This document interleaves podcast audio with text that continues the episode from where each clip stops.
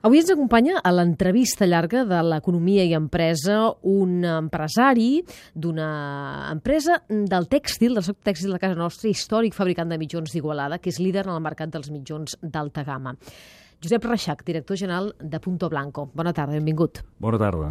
Us vau convertir en el seu moment en distribuïdors per obligació, sense tenir-ne ganes, perquè veieu que amb la crisi eh, s'anaven tancant molts establiments multimarca que eren els vostres principals clients.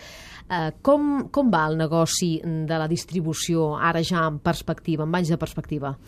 Bé, eh, com bé dius, ens vam trobar que eh, hi havia un moment en què hi havia moltes ciutats d'Espanya doncs, de que, de que doncs, ja no ens quedaven clients, aleshores vam tenir que plantejar doncs, eh, obrir nosaltres les nostres pròpies botigues.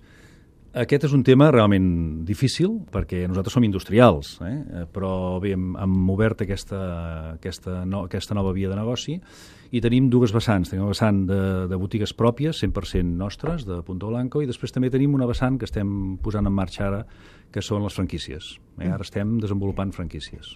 4.000 punts de venda, 300 treballadors, eh, uns 20 milions de facturació, exporteu a 40 països, són mm -hmm. algunes de les dades que ens donen una idea de la dimensió de, de l'empresa de Punto Blanco.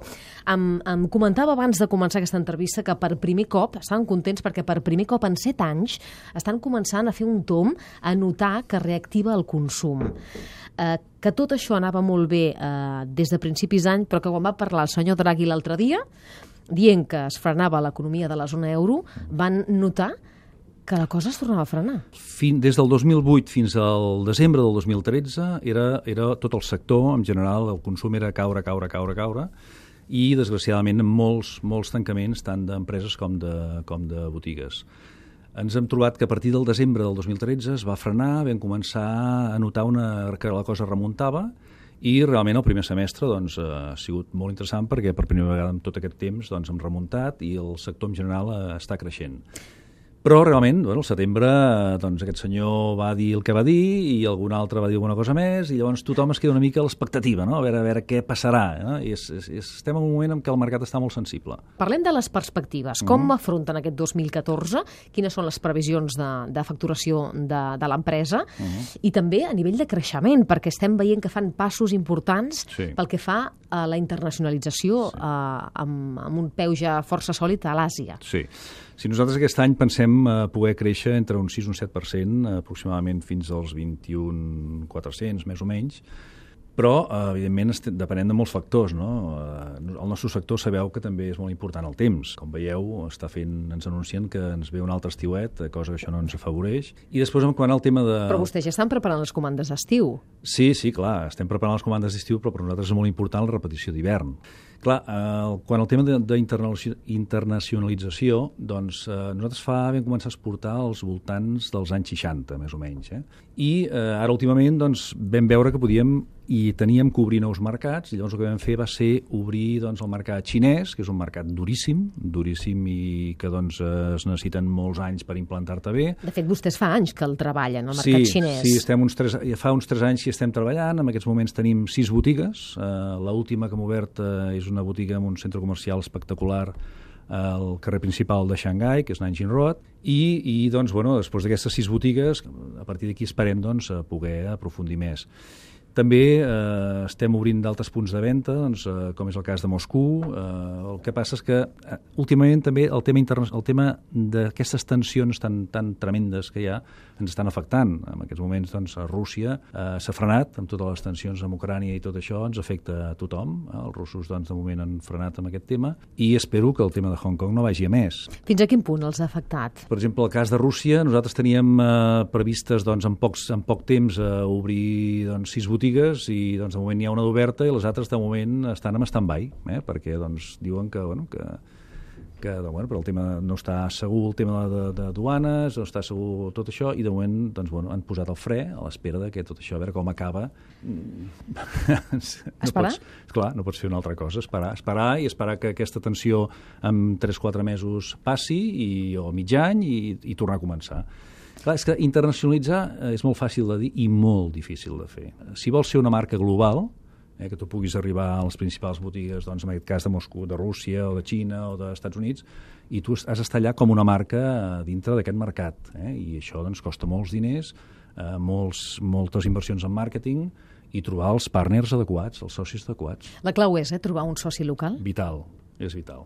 En aquests països no pots anar-hi pel teu compte perquè, perquè no pot ser, te, la, te et fots una castanya tornant en plata. Digui'm dues, dues coses claus que vostè recomanaria a algun empresari que vulgui fer el pas per internacionalitzar-se a la Xina, com han fet vostès. Dues coses mm, bàsiques, breus, a tenir sí, en compte. la, la, la, més, la més important, eh, trobar un soci que s'enamori del teu producte, del que fas. Els, els xinos els hi encanta, sobretot, la, les, les empreses amb molta, amb, molts, amb molta antiguitat, amb, molta, amb molt know-how, Eh, ells el primer que pregunten, eh, diu, vostè de quin any és? Eh? I, I, escolti, doni'm les fotos dels fundadors d'aquesta empresa. I com va anar això? I com ha estat? I, I això el primer que fan és, quan munten una botiga, és posar, és curiós, posar la foto del fundador i si pots qui, ser qui digui el 1948, ah, sí? doncs sí, sí, eh, per ells això és una cosa que dona una garantia de solidesa d'aquesta empresa i d'aquesta marca. Tenen uns quants anys d'història, vostès. Sí, sí, sí, sí del 1948. Uh -huh. mm. Quins altres són els mercats que Punto Blanco es mira de manera atractiva? Sí, nosaltres eh, també, a part de Xina, també tenim en aquests moments un molt, molt bon mercat, que és Corea.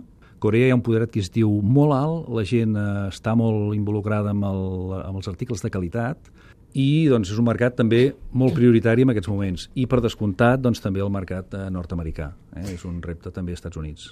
Vostès fabriquen majoritàriament a Igualada, uh -huh. però sí que hi ha algunes coses que les de menys qualitat, podríem dir, uh que sí que es fan a Turquia, per exemple.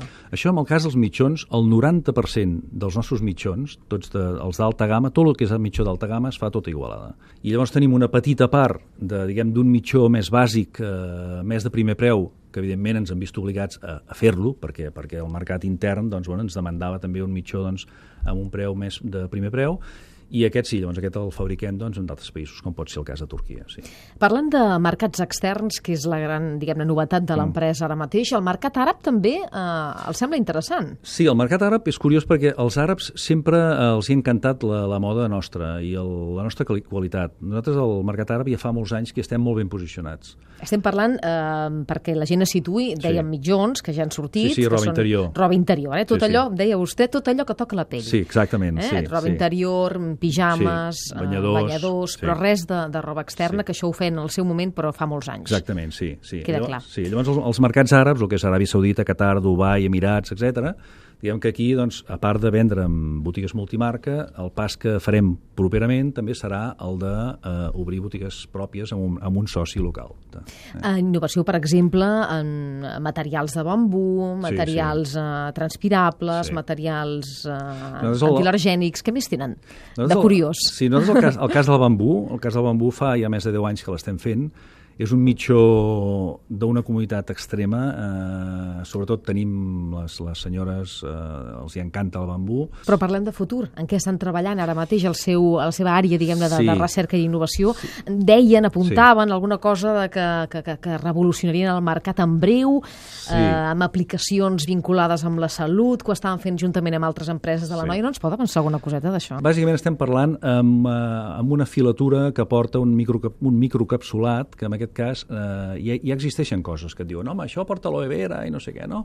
Però no, no seria això, sinó que seria, diguem, per, per enfermetats de la pell eh, que poguessin desprendre, que poguessin desprendre, diguem, un tipus de cremes eh, mèdiques, per entendre'ns, per psoriasis, el tema de diabètics, i fer-los uns productes molt especial per a ells, uns productes molt de, articles molt suaus que no pretessin cada vegada deixessin anar, diguem, la, la, els materials que els anessin bé per la seva pell. Està molt avançat, però, el projecte? Eh, Ens trobem amb algunes dificultats amb el tema dels encapsulats de la, del tema de medicina i ho, hem, ho estem intentant solucionar, però, però és molt complexa. És... Deixi'm que li faci la pregunta. Sí. Per quan, més o menys? Estem Jo- parlant de dos anys o de deu? No, jo crec que abans de dos anys ho podem tenir. Sí, sí, sí. A Punto Blanco ens deia afectats, eh, evidentment, per eh, els conflictes a, a Hong Kong, eh, influenciats per les paraules de, de Draghi, eh, pendents també d'Ucraïna, i la política. La política com la viu i com la veu eh, el director general de Punto Blanco? Eh, de política n'han de parlar els polítics eh, i nosaltres parlem de temes de negoci i llavors el negoci amb la política sempre sempre es porta malament. Nosaltres tenim clients de totes les sensibilitats i a nivell comercial és un error caure amb el tema doncs, de, de les guerres comercials perquè tots, tots sortim perdent. tots sortim perdent. És a dir, quan, quan més insisteixen en una part del país en dir no comprarem aquests productes, doncs aquí diem, doncs aquí només veurem vi de casa, eh? I, bueno, doncs en el cas del vi, doncs, bueno, hi ha gent de la resta d'Espanya que el 30 o 40% no els ven a Catalunya, vull dir, guerres comercials no interessen a ningú. Però vostè que va pel món, mm. eh, hi ha preocupació, vull sentir amb el conseller d'Economia, Mascolell, que, que deia que, que no preocupa el procés de, de Catalunya sí. a fora. Vostè també té aquesta sensació? Jo tinc la sensació, d'entrada, la gent de fora no entén res.